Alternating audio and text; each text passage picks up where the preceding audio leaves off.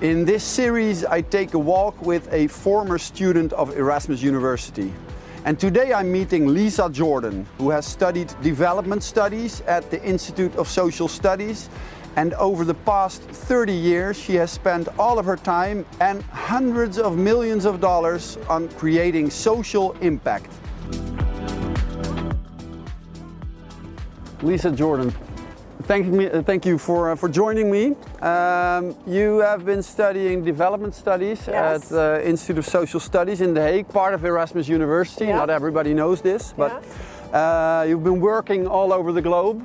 Where, where haven't you been? Uh, I miss the Middle East. Yeah? More or less. Well, I went to Israel, so it's not. But I miss parts of the Middle East. Okay. Yeah. This is it. That's the only. okay, that's the only thing. Um, and you have been involved in, in from from the perspective of numerous NGOs uh, involved in making the world a better place. Is this what you have been? Yeah. Some people. Does it some boil down to that? Yeah. Some people want to build things, and some people want to make change, and some people want to make change by building things. But for me, what I wanted to do was make social change of one sort or another. So I spent an entire 30 odd years working for government, NGOs, foundations, and now I work with social enterprises, which combines these different kinds of uh, organizations together to create social change. Could you give an example of a project you're working on or have been working on? We have a fabulous Dutch um, uh, social enterprise that works out of VASP that builds uh, treatment plants, waste treatment plants in Africa, for example. It takes all sorts of Dutch technology from Delft and Rotterdam and The Hague and other places and brings it all together and creates clean energy from waste. It's absolutely phenomenal. So that's one of the organizations that I have the opportunity to work with now, and I really love it. And uh, if it comes to sort of this social change, what is the what is the, the ultimate goal? The ultimate goal is for people to be able to shape the society that they actually that they live in. So uh, most NGOs or most social enterprises, there's a big social problem like climate change or too much pollution or uh, somebody's rights being violated, and they want to change that. And so that's why they go to work for a social change organization of uh, one sort or another. And I've had the opportunity to work first in policy planning uh, in the US Congress, and then secondly, uh, for NGOs, uh, which don't have a revenue generating model. That's the difference between an NGO and a social enterprise. And now I work with a foundation that gives support and money to social enterprises. Which is called? The Draper Richards Kaplan Foundation Exactly. comes out Uh, of Silicon Valley. Absolutely amazing. So, so, so the, the, the, the dream or the, the, the ideal is uh, changing the world and making money at the same time, right? Uh, well, for social enterprises, it's it's really about the impact first, and for us too. We are an impact first investor, which means that when we offer money to uh, social entrepreneurs with big ideas who want to scale that idea, uh, we are always asking them all sorts of questions about how do you create change at scale. So it's not really about making money. Uh, for other impact investors, it is about doing well and doing good, is the expression that they use in The Hague, doing well and doing good. But for us, it's really about the impact. What is the social impact? And I think it's phenomenal that young people today want to make social impact by combining business principles, market based principles, and social change. Because 10 years ago, that was almost unheard of. It's really the next generation Really? that's asking us to combine all of these Really? things. Yes. Really? Really, honestly.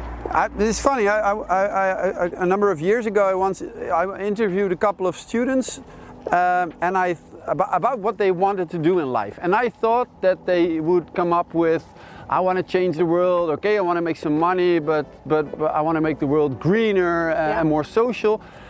But but what what what turned out is that they just still wanted to make money. So Yeah, is it well- is it sort of is it really the truth that that most young people want to change the world, or is it just a marginalized small part of of our filter bubble? Ah, some some young people want to change the Okay. world is how I would put it.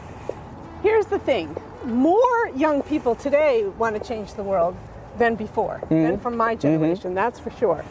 You see lots of people going into big corporations and saying to their boss, well, this is great, but uh, the corner office is not what I'm looking for.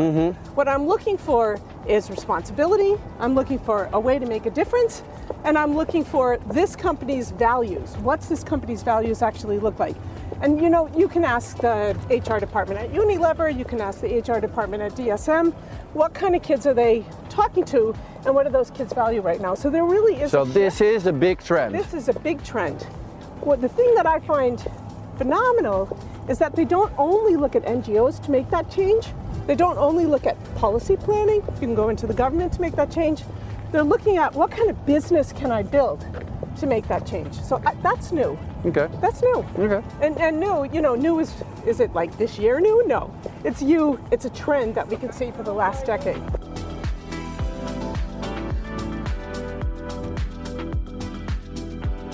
So what what did you want to be when you were When a was a kid? kid. Yeah. Well, when I was really little, I wanted to be president, of course. Okay. And then, is this an uh, American thing or yeah, is the biggest? Thing.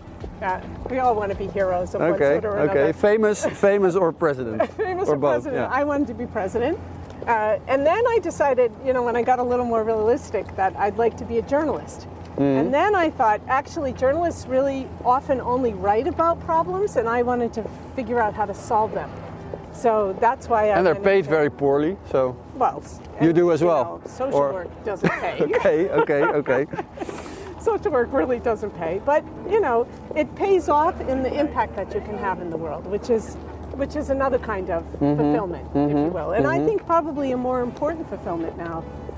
When you look at climate change and you look at inequity and you look at, you know, the volatility that our world is in right now, to be able to get up every single day and get paid for trying to make a difference or a change, that's really super powerful, like a superhero.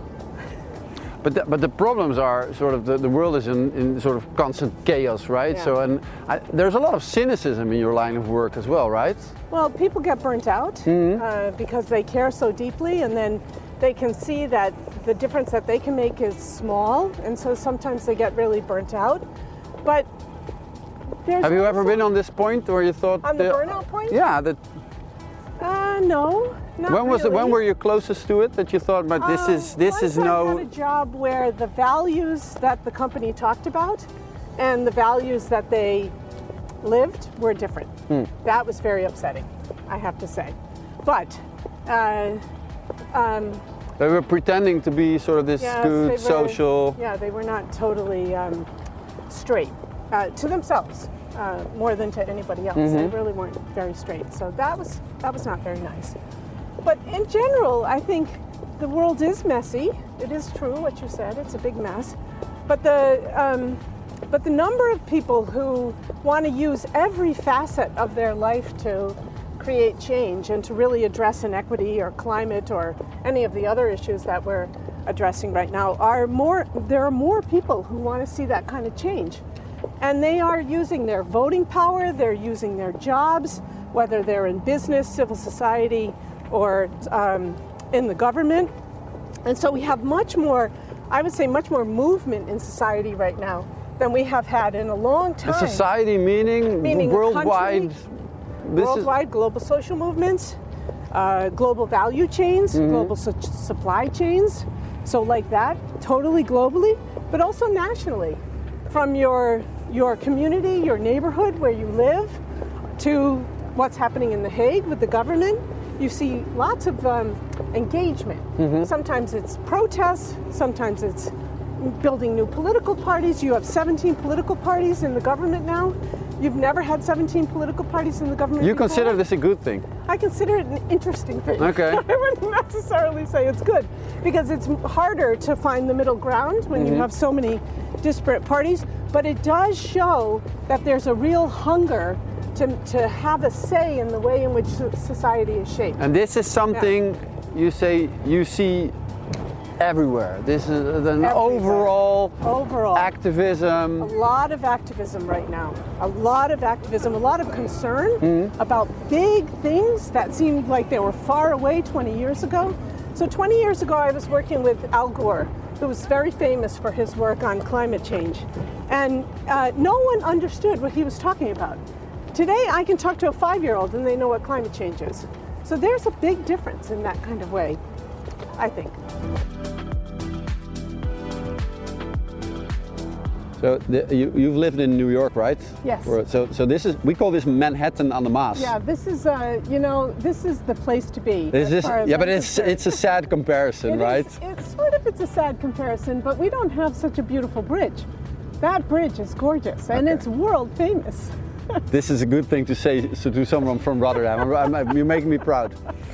Um, we're talking about the, the, the big uh, uh, issues in the world. So the inequality, climate change, uh, social unrest, democracies under pressure, a rising number of, of failed states. Yeah. Um, how, can, how can you do your job day in, day out and not get cynical about this or not get... You know, cynicism has never been the poison for me.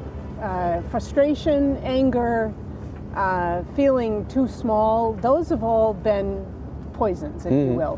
But cynicism not, because this is this is our time. It's if you're on this planet right now, you have a you have not only a responsibility, but it's an it's you have a you have a a possibility, an opportunity to actually create the change that you want to see, to live in the society that you want to live in. And that's the gorgeous thing about living in a democracy is that you you get to, to participate in all sorts of ways, where as in other kinds of cultures you don't. So And of the, from these the, these these big developments, Yeah. what, what what worries you most or what drives you most? Yeah, so inequity and climate, which you hear me say over and over again. Inequity and climate, uh, and, and actually the movement of people, people who have had to flee where they live, that migration pattern. How many, there are 300 million people right now on the move in China alone. In China alone. It's unbelievable how many people have to leave their place because their soil has failed, because there's a monsoon, because there's unrest, which you can usually bring back to the fact that they didn't have the things that they needed in order mm-hmm, to live mm-hmm. a, a, an adequate life or to feed their children.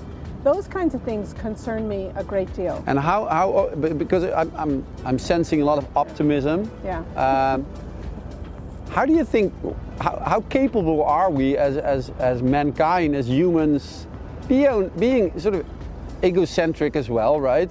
Self-absorbed, Yeah. uh, talking about a country as, Yeah. uh, as the Netherlands. Yeah. We're, we're, we're worried about really small local things, right, most of the time. How capable are we to, to fix this, this, this big shit? If it, if it wasn't in our own self interest, if we didn't have a stake in the game, then I would be cynical. But we have a stake in the game. You've got one, I have one. It's in our own best interest to fix climate change. It's in our own best interest to reduce inequality in a culture. Then a society, then a country can actually move forward because it's much more stable, because people all have opportunity in that society. It's, it's in our best interest actually to make sure that migrants are integrated properly. All of these things are in our best interest. So if I can talk to you about why it's in your best interest to work on this stuff with me or with somebody else, I don't care who you work with, but that it's in your best interest, then we all have a um, then we have a stake in the game, and then I think it's possible to create the change that we actually need. I do. Okay, so does that make me ridiculous? I don't know, does it? I don't know. I don't think so. I've been doing it for a really long time, and I get so much energy from working with social enterprises, social entrepreneurs, from uh, uh, from people who are working in government, from people who are working at big businesses, like, and they just want to know how can I, how can my business actually play a better role in the world. I meet these people every single day. You can't but be optimistic when you have the opportunity to work with people like this. So, Right now you're doing this from The Hague, right? Yes, City of The The Hague. Hague. Why aren't you in Rotterdam?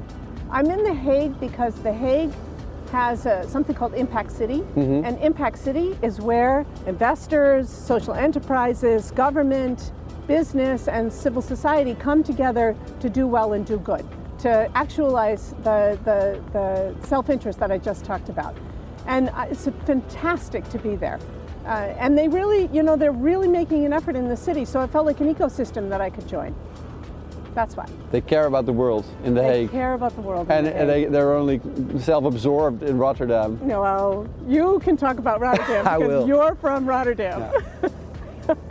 I'll leave that to you. Yeah. Discover more stories at thinkdo.rsm.nl.